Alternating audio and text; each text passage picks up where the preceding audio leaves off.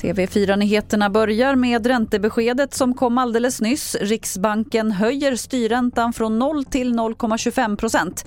Det är första gången reporäntan höjs sedan januari 2020. Mer om räntebeskedet finns på tv4.se.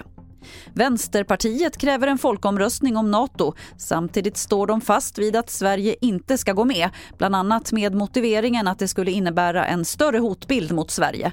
Partiledare Nooshi Dadgostar. Detta är ett mycket stort beslut. Det kan inte fattas av en liten politisk elit.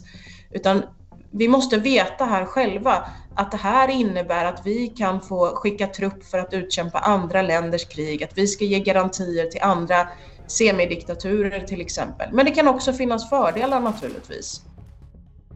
Till sist kan vi berätta att statliga Apoteket har skickat detaljerade uppgifter om massor med kunder och vad de har köpt på apotekets hemsida till Facebook. Det gäller bara de som godkänt cookies för marknadsföring men det ska ändå handla om mellan 500 000 och en miljon kunder. Och enligt SR har apoteket anmält sig självt till Integritetsskyddsmyndigheten. Fler nyheter hittar du på tv4.se. Jag heter Lotta Wall.